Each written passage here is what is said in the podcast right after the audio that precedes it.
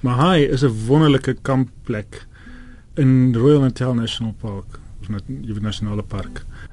Dit is so ehm um, is een van hierdie idilliese plekke wat so tussen 'n stroom en die berge is. So ons het ons het al hele paar keer daar gaan kamp, maar wat ek wat ek veral waardeer van die plek is in die oggend as jy opstaan en die middag reën dit gewoonlik in die oggend as jy opstaan is dit silwerskoon en die lug het so 'n kristalhelder kwaliteit. Ehm um, en dis wat ek probeer vasvang uit in die in die in die liedjie ook. En dis natuurlik die die album se naam wa, ja. waarop jy besluit het.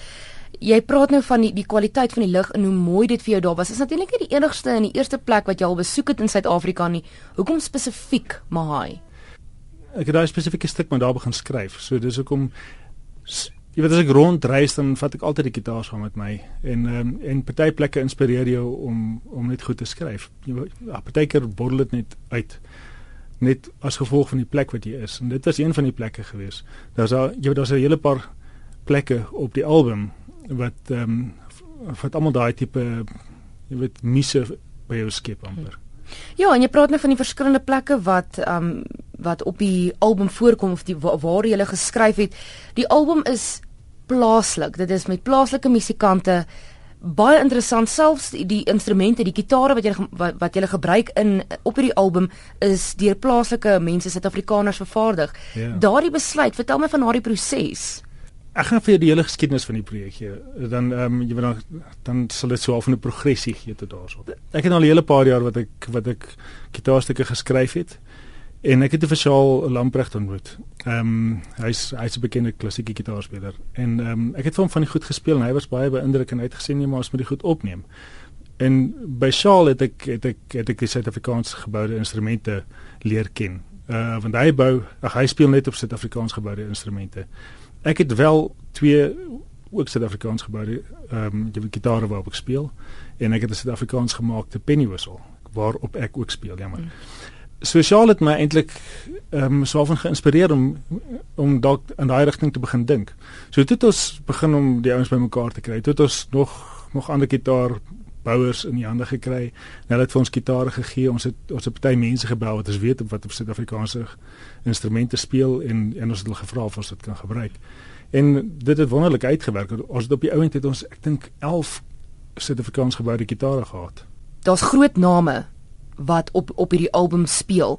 Hoe het jy die mense gekies om deel te wees van hierdie projek? Charlotte het ek nou reeds mm. verduidelik, ek het hom ontmoet. En Werner Bessinger is die ander ou in my bou ook instrumente en dis hoekom dit vir my so, mm. jy weet, gepas was dat hy ook deel is van die van die projek want hy's 'n baie goeie speler. Hy's 'n mm. ongelooflike musikale speler. En ek en hy speel al jare lank saam. Ehm um, so hy was dadelik betrek geweest en, en die ander twee wat ons betrek het was David Klassen, ek speel al jare saam met hom ook. Ehm um, hy doen die perkussie en dan vir Werner Spies ehm um, vir die double bass ek spesifieke double bass speler gesoek. Mm. Nee, sit dan met jou gitaar gaan jy vir ons 'n snit speel voor ons voortgaan. Ja. Ek sou vir julle 'n liedjie of 'n snit speel wat se naam Café Trieste is. Ehm um, ek gaan so 'n bietjie vertel van van die snit. Ons het jare terug was ons in Switserland gewees. En daar's 'n daar's 'n groot meer met die naam Lago Maggiore. Maar net aan die ander kant van die meer is dit is dit die Italiaanse kant en daar's 'n klein plekkie met die naam Canero. En ons het een aand laat het ons omgereis soontoe en al wat er oop was was 'n was 'n roomhuiswinkel. Of nie eintlik room is eintlik jy weet gelato hulle noem dit room mm. staan nie. So ehm um, so ons het 'n gelato gekoop en daar langs langs die riviere afgeloop en dit was 'n ongelooflike ervaring. Die plek lyk asof dit uit 'n uit 'n fliek ehm um, stel moet kom. Dit is 'n dis een van daai plekke wat jou net inspireer. Toe ek terugkom in Suid-Afrika, het ons in Greenside hier so in Johannesburg is daar 'n klein plekkie met die naam Café Trieste. En dis dis dis die lekkerste room is ek is seker wat ek al in Suid-Afrika geproe het. Die ou maak dit van van die basiese komponente van room. Dit is nie dit is nie goed wat hulle aan mekaar flans van van jy weet fabriek vervaardigde room is nie. En dit is my koneksie geweest met Canero en dit het ek besluit om dit om dit dan Café Trieste te noem.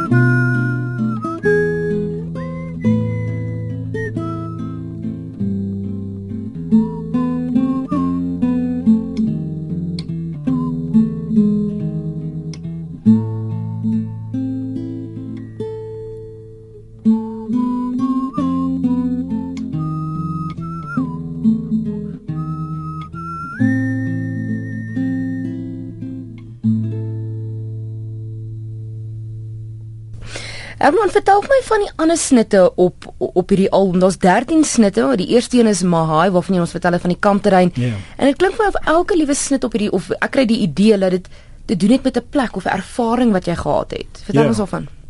Ja, elke snit behalwe een is van plekke wat ons op besoek het. Daar's Nizas wat in wat in Frankryk is. Dit is 'n klein plekkie met die naam Nizas. Uh daar's net een kafeetjie wat op 'n Vrydagmiddag oopmaak en dit is dit. Ehm um, en die ongelooflikste deure. Ons het ehm um, ons het 'n hele collage van van foto's geneem net met die deure, daai ou antieke deure met die met die mooi met die mooi handvatsels en die mooi sleutels. Ehm um, dan is daar daar's twee goed wat van Langakker afkom. Langakker is 'n is 'n is 'n plaas van my skoonmaale daarbo net voor die einde van die aarde daar ehm um, aan die kant ag tussen Daniel Skuil en Kuruman. Ehm um, hulle het dan nou elektrisiteit gekry, maar toe ek dit geskryf het was daar nog nie eens elektrisiteit nie. Ehm um, so dit het daai plek is baie inspirerend geweest. Ek het 'n paar gedae geskryf. Ehm um, wat is die ander snitte wat daar so? Ehm, Jupiter Island. Jupiter Island, dit is 'n plek in Amerika. Uh daar's 'n ehm um, dis dis 'n is 'n vreemde ervaring geweest om daar te wees want dit ons het op die strand geloop dis op die op die op die ooskus. En jy het so amper ehm um, dit was asof die hemel en die en die see mekaar gesmelt het. Dit amper gelyk asof jy in 'n in 'n surrealistiese fliek is. Ehm um, dan is daar 'n Grand Teton wat ook in Amerika is. Dit is 'n nasionale park naby ag naby Kanada met hierdie magnifieke reuse uh, jy weet Rocky Mountains wat natuurlik daar is en dan hierdie blink mere in die voorgrond Mm. daarso. Ehm um, Ek wil gou by een stil staan. Jy jy jy duidelik al die wêreld vol gereis. Maar daar's een snit wat my oog onmiddellik vang, Suburban Bliss. Suburban Bliss is hierso Ja. in in Londen waar ek bly. Mm. Weet dis hy dis dis my bietjie sanity hier so in Johannesburg. As jy inry in Londen en dit is 'n jy was regtig 'n dit het 'n baie plaaslike dorp gevoel en dis heerlik om daar in te ry en veral om by die huis in te ry. Dit voel net asof jy asof jy kan ontspan as jy daar is. Mm. So dit gaan maar oor die gevoel wat ek kry as ek as ek by die huis aankom. Die beste plek vir jou om te skryf. Ja, ek hou daarvan om te om te skryf terwyl ek reis, Hmm. terwyl ek op plekke is. Dis my die lekkerste want dit ehm um, dit is bietjie iets ehm um, as mens by die huis is dan voel dit amper bietjie soos werk. en as jy as jy vakansie is en jy skryf iets dan voel dit vir jou asof dit asof dit ehm um, asof dit 'n regtig kreatiewe ehm um, vloeistowwe is wat wat deur jou vloei. Mm. Ehm um, so dis my altyd lekkerste om na plekke toe te gaan en daar goed te skryf. Hier's 'n klomp ander kunstenaars wat ons vroeër van gepraat het wat wat op die album ook is wat daarop um bespeel en so aan. Wat se invloed het hulle gehad op die musiek? Jy het tog al die musiek geskryf Ja. en hulle invloed op hierdie album. Buite die feit dat hulle natuurlik daarop speel. Ja. Shaal dink ek het die grootste invloed gehad. Shaal is natuurlik 'n 'n groot kenner van die klassieke gitaar en en ek is jy weet ek is maar net in die in die begin baberspore van klassieke gitaarspel. En hy het my verskriklik baie goed gewys. En en hy het ook van die goed het hy het hy natuurlik heeltemal gespeel want dit was van die goed wat hy geskryf het wat vir my net 'n bietjie moeilik is om te speel. En hy kon dit natuurlik baie beter speel en hy van die goed het hy regtig verhef tot 'n baie hoër vlak. Hy het ehm um, hy het van die goed gevat en regtig sy eie gemaak en en die weet die ekstra goedjies bygewerk en ander maniere om te speel. So hy was 'n baie groot inspirasie vir my skryf. En ehm um, ek ek dink dit nie vir hom was nie sou hierdie album nie gebeur het nie. Ehm um, want hy het my hy het my heeltyd ehm um, probeer motiveer om meer te skryf. Mm. So ek het aanvanklik net so 4 of 5 gehad. Ek sê nee, man skryf nog, skryf nog, ons kan ons kan maklike album maak. Ehm um, Werner Bessinger speel ek al jare mee saam. So ons het jy weet van die goed het saam met ons gegroei saam met my en hom. Uh, en dit voel altyd lekker om saam met hom te speel want dit jy weet dit voel soos 'n bekende plek. En David Klassen ook. David Klassen het 'n het 'n besondere ehm um, kreatiewe manier van speel. Hy het altyd ietsie wat hy inbring wat 'n bietjie bietjie af is. Jy weet wat bietjie aftyd is of of hy jy weet veral met eindes van liedjies sal hy sê, "Oké, okay, jy weet kom ons probeer dit, ons probeer dit." En hy het, hy het, hy het altyd voorstelle. En Werner Spies was ook heerlik om saam met te werk met die met die double bass. Hy het 'n paar baie interessante goedjies gedoen. Waantoe van hier af gaan jy met die album toer, gaan jy 'n bietjie oor see gaan? Wat is die plan? Ja, ek wil graag ek ek wil nou probeer om verspreiders te kry ehm um, vir oor see. Kyk, is maar moeilik deesdae met die musiekbedryf. Maar ons gaan probeer. Ek gaan ehm um, ek gaan beslis dit by die klassieke stasies probeer inkry. Ek weet Classic FM het dit nou ge, gespeel.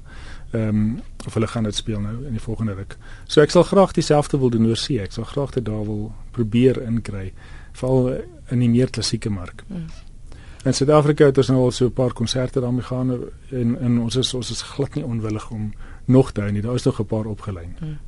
Herman, gaan jy vir ons nog 'n snit speel? OK. Ek sal vir julle lang akkers se stoep speel. Mm.